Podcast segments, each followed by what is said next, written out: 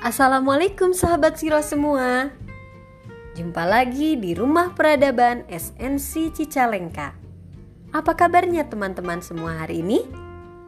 Alhamdulillah Semoga senantiasa sehat dan dalam perlindungan Allah Subhanahu wa taala. Masih dengan Ibu Sofia di sini yang akan membawakan kisah Cahaya dari Mekah perjalanan hidup Rasulullah Shallallahu Alaihi Wasallam dari lahir hingga hijrah. Diambil dari buku Rasulullah Teladan Utama Jilid 1 dari Sigma Daya Insani. Baiklah, selamat menyimak ya.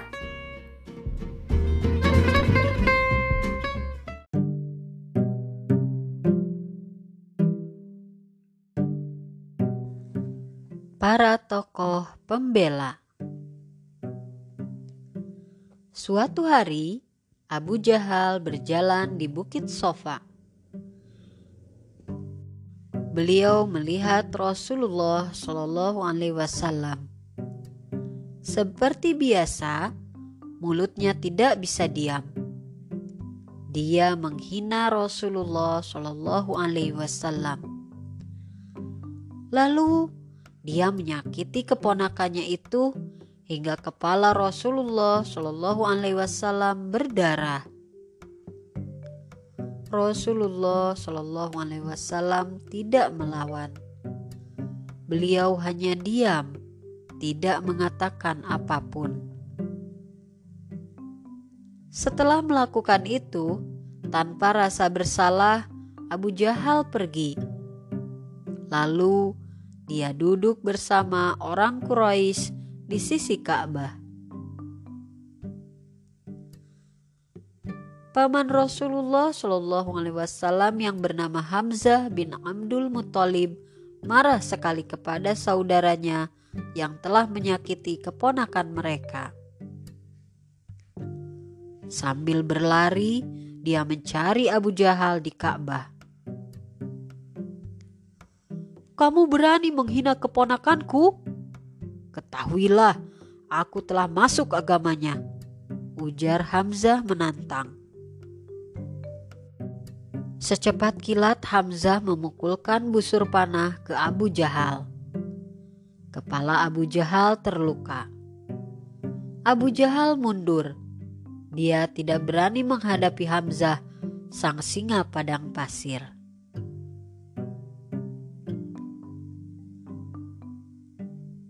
Biarkan Hamzah. Memang aku telah memaki keponakannya dengan perkataan yang buruk, ujar Abu Jahal kepada saudara-saudaranya dari Bani Makhzum.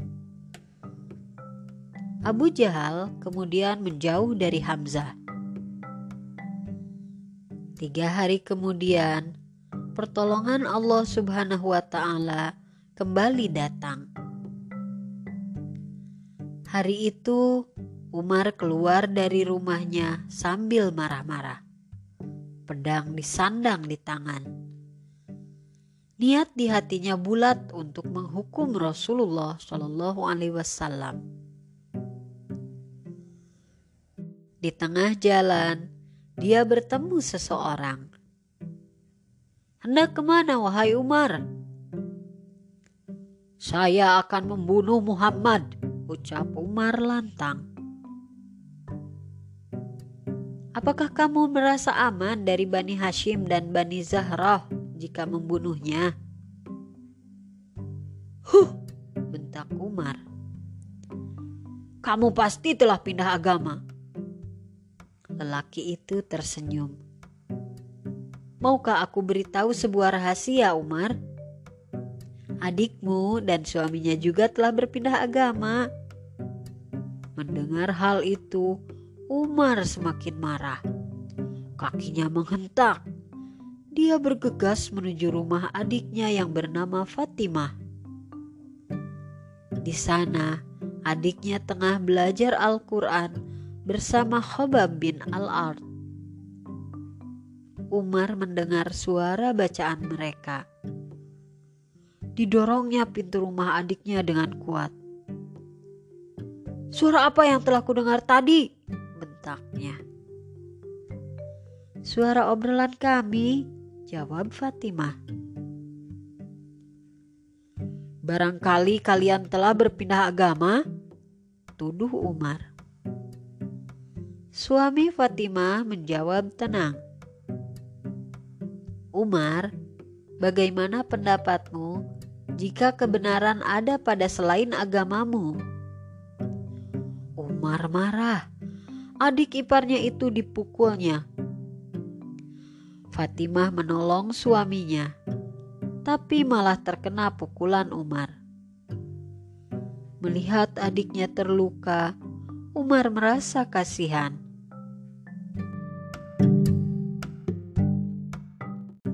Berikan kepadaku kitab yang ada padamu, pinta Umar. Adiknya tidak mau memberikannya sebelum Umar menyucikan dirinya. Umar mengikuti keinginan adiknya. Umar kemudian mandi. Setelah itu, dibacanya tulisan itu. Awal surat Toha hingga ayat 14. Alangkah mulia kata-kata ini. Antarkan aku kepada Muhammad, ujar Umar. Hobab yang bersembunyi segera keluar. Bergembiralah wahai Umar. Semoga engkaulah yang dimaksud dalam doa Rasul. Beliau berada di rumah, di atas bukit sofa.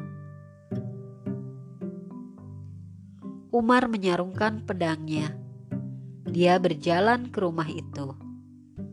Para sahabat yang sedang berkumpul ketakutan melihat kedatangan Umar mereka tidak mau membukakan pintu. Hanya Hamzah yang berani menghadapi Umar. Rasulullah Shallallahu Alaihi Wasallam saat itu sedang menerima wahyu. Beliau segera menemui Umar. Beliau memegang baju Umar dan berkata, "Umar, hentikan ulahmu sebelum Allah menurunkan kehinaan dan siksaan, sebagaimana diturunkan kepada Al-Walid bin Mughirah.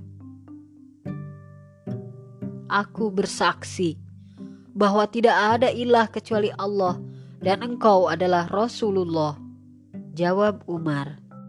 Ya Allah, ini adalah Umar bin Al-Khattab. Ya Allah, muliakanlah Islam dengan Umar bin Al-Khattab takbir para sahabat di dalam rumah itu bergema.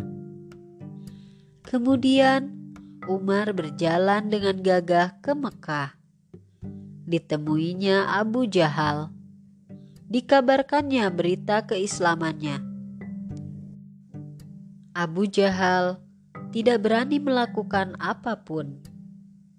Padahal biasanya dia akan menganiaya orang yang masuk Islam. Keislaman Hamzah sang singa padang pasir dan Umar bin Al-Khattab yang pemberani membawa ketakutan bagi kaum musyrik penyembah berhala. Apa yang akan dilakukan kaum musyrik selanjutnya? Simak terus ya kisah lainnya.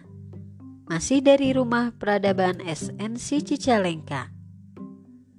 Wassalamualaikum.